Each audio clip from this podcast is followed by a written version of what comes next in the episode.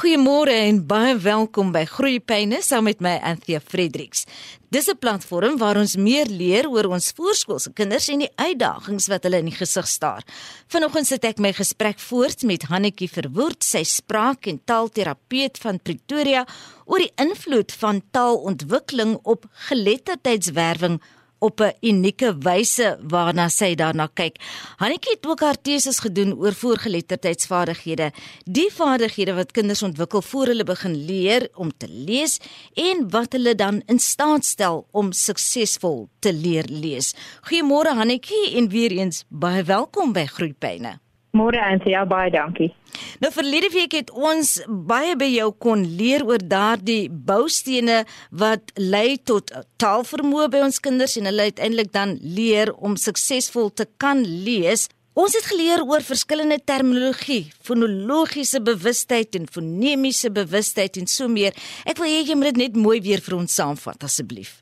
Reg, Anthea, so wanneer ons dink aan um, leer lees, dan is dit baie belangrik dat ons besef dat leer lees is nie 'n 'n alles of niks verskynsel nie. Met ander woorde, die kind daag op 'n dag op hier rondom 7 jaar en dan ewe skielik dan is die vermoë om te leer lees daar en daar trek hy weg en hy kry dit reg nie. Nee, dit is 'n proses. Leer lees is 'n proses wat begin by 0 by dag 0 omdat jou taalontwikkeling wat jy het in jou vroeë ontwikkelingsjare die breë basis bou wat jou in staat gaan stel om te leer lees en wat veral voortvloei vanuit jou taalontwikkeling is jou fonologiese en fonemiese bewustheid. So fonologiese bewustheid en fonemiese bewustheid is daai ek wil dit amper 'n aanvoeling noem wat 'n kind ontwikkel. Hy kom agter, my jette, maar hier is kleiner dele in die groter geheel. Dit is nogal vir ons as groot mense baie keer moeilik om te besef dat kinders nie daai eenhede altyd hoor nie. So op 'n dag dan begin die kind agterkom, ehm um, pannekoek. Pannekoek begin met pan of daar's koek in pannekoek en dan hulle kan nog ons baie keer sulke grappies ook maak met sulke woorde. Ehm um, of hulle sal begin om te loop en rymwoord reekse af te rit. Sommers so weet amper soos wat hulle doen as hulle babetjies is as hulle babbel, maar meer hier rondom 3, 4, 5 jaar dan sal hy loop en hy sal sê bal, mal, val, tal, bal en baie keer sommer nonsens woorde tussen en maar daar is daai bewustheid wat begin ontwikkel vir die klankaard van taal, die eenhede binne in taal, die kleiner eenhede om te kan hoor 'n sin bestaan uit woorde? En byvoorbeeld ook om te kan agterkom dat een woord meer as een betekenis kan hê goed hoe die bewussyn dat 'n sin uit woorde bestaan en ook dat woorde baie keer meer as een betekenis kan hê. Soos om te kan hoor dat ek het 'n ken en ek ken jou. Hi, ek sê altyd woorde ken daar en dit beteken verskillende goed. Ek kan baie goed onthou met my eie kinders rondom spesifiek hierdie woordbewustheid.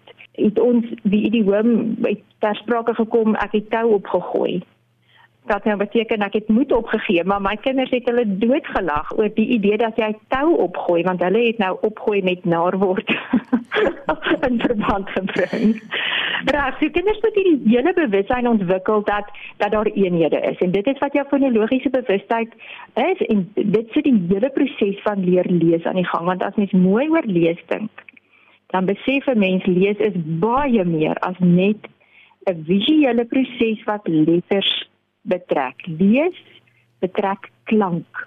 En dit is omdat lees klankmatig is dat daar so sterk verband tussen taalontwikkeling en lees is. Lees is eintlik net 'n volgende deel van jou taalontwikkeling. En as ons dan van klank praat, praat ons noodwendig oor gehoor, dit wat jy hoor deur die klanke wat uit mense se monde kom en dit bring my by auditiewe prosesering. Wat sou dit hoegenaamd beteken, Hangetjie? auditiewe prosesering, as jy mens dit nou net in die heel eenvoudigste vorm wil sit, is wat jou brein doen met wat jou ore vir hom voer.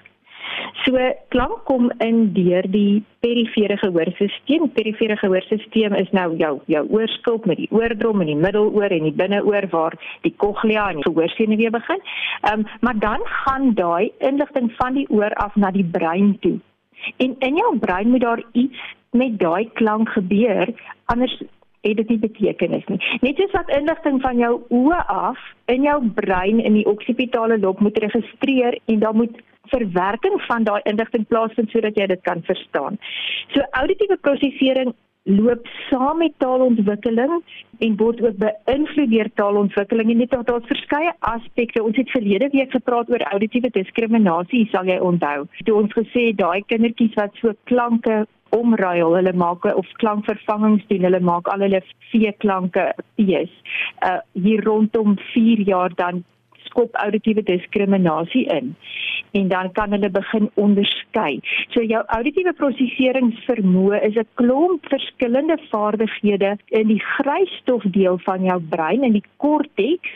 Um, en hierdie inligting van die gehoorstelsel af van die perifere gehoorstelsel af loop 'n hele lang paadjie onder in die breinstam in reg op deur die witstof van die brein op 'n pad en dan moet dit hier in die korteks en die grysstof verwerk word. En allerlei patroonanalises doen jou brein met daai inligting. Jou brein begin byvoorbeeld nou hierdie fyn onderskeidings eh, vermoë ontwikkel om te kan hoor 'n m en 'n n en 'n ng is drie verskillende klanke. Dis klanke wat kinders baie keer as dieselfde hoor of om 'n en 'n van mekaar te onderskei. Ehm um, of om 'n en 'n van mekaar te onderskei. Aanvanklik hoor die brein nie daai fyn verskille nie, maar soos wat die auditiewe prosesseringsvermoë ontwikkel, kry die brein al hoe meer die vermoë om fyn goed te hoor. Met ander woorde, dit noem ons auditiewe diskriminasie. 'n Ander auditiewe prosesseringsvaardighede is auditiewe opeenvolging. Nou, dit is een wat ek sien kinders deesdae verskriklik mee sukkel. Daar is vir my 'n duidelike agteruitgang in hierdie vaardigheid en dit loop die vermoë om goed in volgorde te kan onthou. Losstaande items wat wat jou gehoorstelsel vir jou gee. So as ek vir jou sê pen, meisie, koei, dan moet jy dit vir my net so kan terugherhaal. Of as ek vir jou sê kar, bank, hen, pad die luisteraars kan nou sommer gaga sit self of hulle auditiewe opeenvolgingsgeheue mooi intak. Dan moet jy dit kan onthou. Jy kan onthou, ek het nou gesê karbank en pad. En ideaal gesproke moet 'n graad 1 kind 5 uh, woorde in 'n ry kan onthou, maar deesdae die ouppies wat ek evalueer sukkel met 4 woorde. Kry nie dit onthou nie. En wat vir my baie keer die indruk gee dat hier in hierdie grysstof gedeelte van die brein waar die gehoorinligting moet aanmeld om verwerk te word. Dit lyk vir my as ek van beide kante af kyk, dan lyk dit vir my asof daar nie neurone is wat daai werk kan doen. Dit lyk vir my asof die brein in daai area nie ontwikkel het nie. En ons het nou verlede week gepraat oor die invloed van skerms op kinders, net so vinnig gepraat oor visuele media en die invloed wat dit op kinders het, maar dit dit lyk werklik waarin ons navorsing wat hierdie goed ondersteun dat as ons kinders op 'n baie jong ouderdom aan te veel visuele stimulasie blootstel deur middel van skerms dan is daar sekere dele van die brein wat nie behoorlik ontwikkel nie. Ek het 'n keer 'n dogtertjie gehad sy werk terapie gegee en ek sê vir haar 'n opdrag en sy kyk my so aan en sy sy sê wat sê tannie? Kan nie wat sê tannie? Ek sê vir ja, as ek met jou praat dan klink dit net so. Uh, ja, sê dit vir my dit is hoe dit vir haar klink. Dit is asof die woorde ingaan by haar ore, maar dit kan nie vassteek in haar brein sodat sy regtig kan verwerk wat ek gesê het nie. So, ons praat oor auditiewe prosesering, diskriminasie op eenvolging en dan die twee baie belangrikes vir lees, analise en sintese. So ek moet die vermoë hê om enige woord af te kan breek in klanke sonder dat daar nou letters betrokke is dis nog iets wat die luisteraars nou bietjie met hulle voorskolers kan gaan kyk of hulle kan. As jou kind nou in graad R is en hy gaan volgende jaar skool toe, sit dan vanmiddag sommer net rustig onder die boom en sê vir hom klank vir my man. Hom moenie vir my letters wys nie. Hy moet net kan sê, "Hm, ah, nee, ek hoor daai klanke. Hm, aan, dit is auditiewe analise." En dan ook om te kan hoor in slak is dit l a baie keer kry jy dat kinders skryf, hy moet slak skryf, maar dan los hy daai rol weg, hy skryf sak. Dis omdat hy nie behoorlik auditiewe analise doen nie. Hy haal nie daai woord ordentlik in klanke uitmekaar nie. Andersom, sintese is die andersom van auditiewe analise. Dit is om te kan saamsit. En ek kan so goed onthou my eerste blootstelling aan 'n kind met auditiewe prosesseringsprobleme was in my tweede jaar toe ek artikulasieterapie moes doen by 'n skool met 'n met 'n kliënt en ek moet nou net vir hom leer om r te sê. Maar die dosent het nou vir ons gesê En dan dit is nou wat volgende jaar in die derde jaar gaan kom, gaan ons oor auditiewe prosesering leer. Die dissent het vir ons gesê, laat daai kind nou sy leesboek bietjie vir jou uithaal, daar graad 1 kind en vir jou lees, dan kyk jy sommer 'n bietjie wat gaan aan. En nou lees die seentjie vir my, hy lees daar, ot. Ek sê wat staan daar? Hy sê geel. Nou, dit is 'n probleem met auditiewe sintese. Hy het die klanke gehoor, maar sy brein kan dit nie bymekaar voeg om 'n eenheid te vorm nie. En jy kan nou hoor hoe hierdie goeters alles op lees 'n effek het. So dan is daar nou nog ander auditiewe proseseringsvaardighede so sluiting. Dis een van my gunsteling vaardighede om in terapie mee te werk want dit is 'n vaardigheid wat vir jou vorentoe in lees so baie help. Jy moet kan 'n deeltjie hoor van 'n woord en dan moet jy die hele woord kan weet. So as ek vir jou sê oster, dan moet jy kan hoor, o, oh, hy het gesê 'n oster. Of as ek sê televisie, dan moet jy kan sê, o, dit is televisie. Want jy weet as mense byvoorbeeld 'n sin lees as jy 'n groot mens is, dan is daar baie keer woorde wat jy nie verstaan nie. En dan lei ons uit die res van die sin lei ons af wat hierdie amper ontbrekende deel beteken. Reg, so dit is auditiewe prosesering 'n baie baie groot rol wat dit speel in lees. Is dit ook al hierdie disfunksies waarvan jy praat binne die auditiewe proseseringsveld? Is dit 'n grondslag of is dit 'n voorloper vir disleksie of wat praat ek alles? Ja, disleksie is 'n moeilike, moeilike woord vir my. Ek is 'n woord waarvan ek glad nie baie hou nie, want dit voel my baie keer as ons sê disleksie dan gee ons moed op op lees. Maar dit is nou my eie persoonlike hang-ups wat ek nou hier in die gesprek en bring. So ek hou nie van die woord disleksie nie, maar dit hierdie goed speel alles 'n rol. Ons as spraak- en taalterapeute hou van die woord taalleergestremdheid Uh so as ek 'n kind evalueer in graad 1 en hy het 'n taalagterstand en 'n auditiewe proseseringsprobleem, dan is dit hoe ek hom gaan etiketeer. Ek gaan sê hierdie kind het 'n taalleerprobleem. Wat wat lekker is daarvan is dit bemagtig my 'n bietjie om te sê ek kan hierdie kind help. As ek sy taalagterstand aanspreek en as ons hard werk om sy auditiewe proseseringsprobleme te oorkom, dan kan hy leer lees. Maar as ek net sê disleksie dan sit voel dit vir my nou dat ek gesê jammer lees is nou nie meer op die kaarte nie. Maar ja, so ek dink probleme met visuele persepsie, baie kinders het meer probleme met visuele persepsie, baie kinders het meer probleme met auditiewe prosesering, baie kinders het oogbewegingsprobleme. Al hierdie goed is aspekte um, van dat op die ou en te kind op 'n plek sit waar jy sê o, gat, ons sit met disleksie en ons gaan met iemand inkry om te help lees aan toetse of om uh, te help skryf aan die eksamenvraestel. Hanetjie, as ons dan nou aanbeweeg en ons het nou met die taalontwikkelingsaspekte doen gehad en nou begin daardie leesproses. Ons as ouers met ons voorskoolse kinders, waar begin ons wanneer dit kom by lees want almal het soveel uiteenlopende sienings en menings en ons wil nie noodwendig soms ons kind op 'n akademiese vlak probeer ryp druk nie. Ja, ek dink dit is baie belangrik om te weet dat in die brein, jy moet 'n kind se brein kans gee om ryp te word vir die verwerwing van 'n sekere vaardigheid. Ek dink daar's niks so sleg om as om 'n kind op 'n te vroeë ouderdom formeel te wil leer lees as hy nog nie daarvoor reg is nie. So as ouer is daar 'n hele paar goed waarna jy kan kyk en en wat jy jou eerder mee besig kan hou voordat jy begin om met die meer akademiese aspekte van van lees besig te raak en dan dink ek verwys ek nou spesifiek na letters.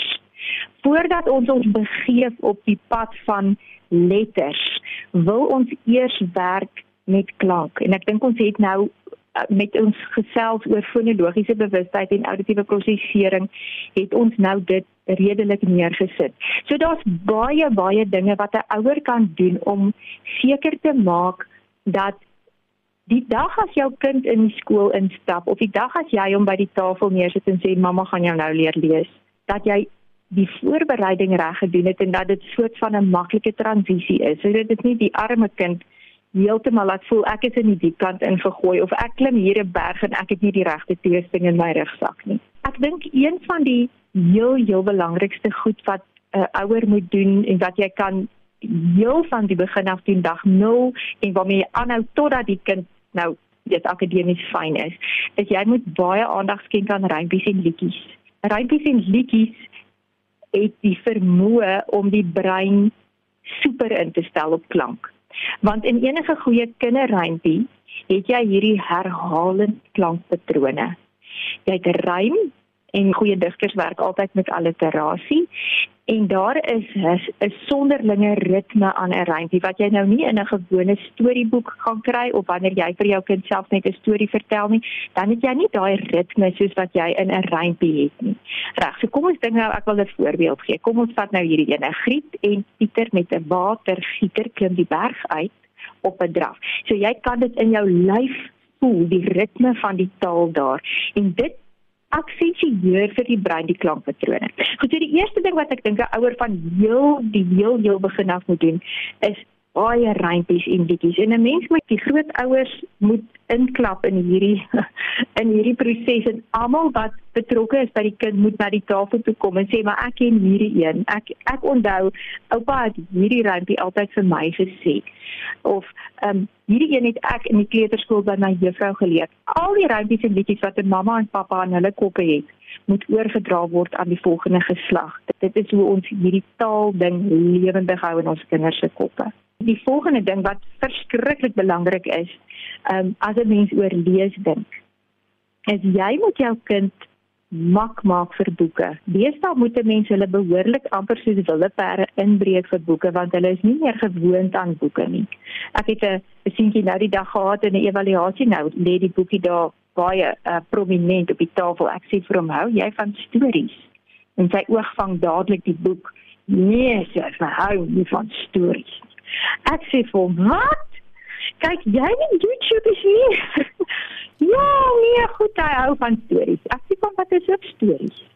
As jy wil hê 'n kind moet leer lees, moet hy verstaan waaroor lees gaan en lees gaan oor boeke. En ons moet ons kinders gewoond maak aan boeke van 'n baie jong ouderdom af, boeke deel maak van hulle lewens en vir hulle boeke voorlees. Want weet jy, Anthea, wat nou so interessant is, is ons taalgebruik wanneer ons praat en ons taalgebruik wanneer ons skryf is verskillend. Ons praat van verskillende registers van taalgebruik. Mm. Wanneer ons praat is ons sinne korter. Ons gebruik hoofsaaklik die voegwoorde maar en en want.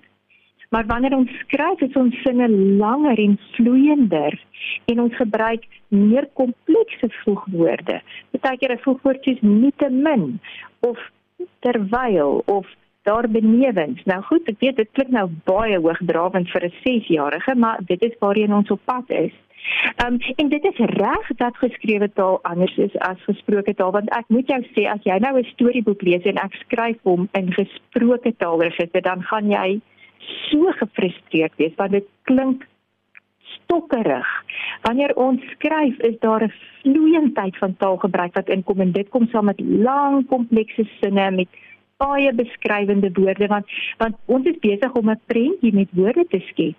Wanneer ek 'n goeie storie lees, dan maak die woorde wat ek lees sekere belewennisse in my wakker. Ek kan nie vir jou sê hoeveel keer ek al 'n boek gelees het, 'n storieboek gelees het en dan drink die karakter koffie en dan moet ek dadelik vir my gaan koffie maak want ewe skielik is ek lus vir koffie. Dit is die wonder van woorde, dit kan hierdie hele wêreld in ons skep, die hele verbeeldingswêreld goed. So jy moet jou kind aan daai wêreld bekendstel deur voorlees. En dit beteken daar kan ons daardie verbeeldingswêreld vir hulle behoorlik oopsluit, né? Nee? Ja, en wanneer jou verbeeldingswêreld oopgesluit is, dis nogals interessant wanneer jy nou weer teruggaan na die taalvaardigheid van luister. Kinders vandag het uitdagings om te luister. Dit is vir hulle iets wat nie natuurlik kom nie. Ek dink hulle oefen dit bloot nie genoeg nie. Hulle hulle is nie genoeg in situasies waar hulle aan dit blootgestel word om inligting weer luister in te neem nie. Maar jy kan nou dink in 'n skoolsituasie is luister nogal belangrik. Juffrou staan voor die klas en verduidelik vir jou goed jy moet kan luister. Maar wat nou gebeur met verbeelding as ek vir jou 'n storie lees? Dan gaan dit vir jou aanvanklik redelike intense konsentrasie vat om die storie te volg wat ek luister. Maar wanneer jou verbeelding aangeskakel word, wat 'n regter hemisfeer funksie is, nê. Nee, taal is in die linkerkantste deel van die brein in die linker hemisfeer en verbeelding en kreatiewe denke sit in die regter hemisfeer. As ek dit nou kan regkry met my voorlesing van my storie, jou verbeelding aan te skakel sodat jy kan begin visualiseer dit wat in die storie gebeur. Dit skakel ek jou regter hemisfeer aan. En wat baie interessant is is ewe skielik omdat jou hele brein betrokke is, is dit nie meer so moeilik om te luister nie. Vat dit minder van jou fokus en konsentrasie om te luister omdat jy hierdie kom ons noem dit geheel breinbelewenis het van die storie. So dan is die eis op jou luistervaardigheid minder. Dit is so ironies net dat die die kind wat dan nou het vir hom word meer gegee. Die kind wat nie kan luister nie, sy verbeelding gaan nie aangeskakel word nie en dan gaan hy nie hierdie geheelbrein ervaring hê wat sy luister makliker maak nie. Maar die kind wat kan luister, hy gaan hierdie belewenis hê en dan leer hy makliker. Annetjie net so kortliks as ons nou praat oor voorlesing veral vir ons kleintjies, heel kleintjies en ons lees vir hulle stories voor op 'n stadium moet hulle bietjie vir ons ook voorlees. Ja, definitief ek sou sê op, op verskillende vlakke wat jy nou kan doen met daai heel klein maatjie. As jy lees met hom 'n boekie wat 'n herhalende storielyn het. Ek hou so baie van 'n boekie soos Waar's Otto van Erik Hill. So Otto se mamma soek hom en op elke bladsy lig ons 'n flappie op, maar dan is dit nie Otto nie, dis 'n leeu wat onder die trap sit. Of op die volgende bladsy is dit 'n seekoei wat in die klavier is, maar dit is net nêrens skryf vir Otto nêrens nie. So uh, mens lees die boekie vir die kind en dan op 'n stadium dan gee jy die boekie vir die kind in sy hand en sê lees jy vir mamma. O, en hulle geniet dit verskriklik baie want dit is nou natuurlik net speel speel lees hy vat die boekie en hy lees vir jou die storie, lees in aanhalingstekens. So van kleins af wil jy by hom daai idee begin skep dat 'n boek het 'n boodskap wat oorgedra word. En en dit is ook hoekom ouers nie hoef jammer of of sleg te voel daaroor om dieselfde storie oor en oor te lees en elke keer die storie dieselfde te hou nie. Jy hoef nie die storie aan te pas of te verander nie. Hy kan maar elke keer dieselfde wees want dan sien jou kind elke keer as hy hierdie snaakse swart mure oor die bladsy sien loop wat nou die letters is, dan sê my ma dieselfde goed en dan blaai ons om en dan staan 'n prentjie en dan sê sy weer dieselfde woorde en so kom hy agter dat die teks die betekenis dra. Maar goed, jy het nou gesê die kind moet vir ons lees. Ek het myself nou 'n bietjie hier in die rede geval. Goed, so ja, van kleins af gee die boekie af en toe in die kind se hand en sê vir hom lees jy vir mamma. Al kan hy nog nie regtig lees nie. En dan op 'n stadium wat vreeslik interessant is van voorgeletterdheidsvaardighede, deel van voorgeletterdheidsontwikkeling is op 'n stadium gaan die kind vir jou sê, ek kan nie lees nie. Hy het al die pad vir jou boekies gelees, speel speel gelees. En dan op 'n dag dan sê hy vir jou, ek kan nog nie lees nie. Dan het hy agtergekom lees is 'n spesifieke vaardigheid. As 'n kind dit vir jou sê, dan weet jy, okay, hierdie maat is nou reg. Nou ja, goed. So definitief moet die kind wanneer hy nou begin self lees, hardop lees vir jou. Dit is 'n verskriklike belangrike deel van leer lees. Is daai hardop lees vir jou, maar jou voorlees vir die kind bou die basis daarvan dat hy die hele groot fenomeen van wat is lees en waaroor gaan boeke kan verstaan. Hannetjie, ek kan hoor dat hierdie vir jou baie na in die hart lê en jy selfs 'n blogger oor stories en storie vertel en lees. Vertel ons net so 'n bietjie meer van jou skryfwerk en dan ook jou projek Luistervink asseblief. Ja, Antia, ek het self 'n baie liefde, 'n groot liefde om te skryf en taalontwikkeling by kinders is vir my regtig, dit is my passie. Ek kry my hart kry so seer as ek in 'n sessie sit met 'n kind en hy sukkel om te leer lees en ek weet dit kon so anders gewees het. Dit hoef nie so swaar te wees nie. En soveel van ons kinders vandag in ons land sukkel met leer lees bloot omdat die regte goed op die regte tyd nie gebeur het nie. So daaroor skryf ek baie graag op my webtuis te luister van stories. Mense kan gerus gaan kyk na die webblad daar. So, maar wat ek eintlik gedoen het is ek het begin besef ek kan nie net vir ouers sê lees vir jou kinders stories nie. Ek moet ietsie begin doen. Ek moet nou hier uit my terapiekamer uitkom en ophou om net een maatjie op beslag te probeer help en en so het ek nou die projek luister van stories begin wat 'n webblad is waarop ek vir kinders stories voorlees en daarso is 'n verskeidenheid van boeke beskikbaar. Party van die boeke het prente en party van die boeke is volledig audioboeke. Uh, maar die die hele idee daar agter is dat ons wil kinders ons wil vir hulle massa taal blootstelling gee. Ons wil vir hulle kwantiteit blootstelling aan taal gee. Want dit is in daai kwantiteit blootstelling wat al die die nodige breinontwikkeling rondom taal en luister plaasvind wat hulle in staat gaan stel om self te leer lees. Gee net vir ons daardie webwerfadres asseblief. Goed, dit is luistervinkstories www.luistervinkstories alles aan mekaar.co.za maklike een. En so gesels my gas vanoggend hier in Groepyne dis Hannetjie Verwoerd.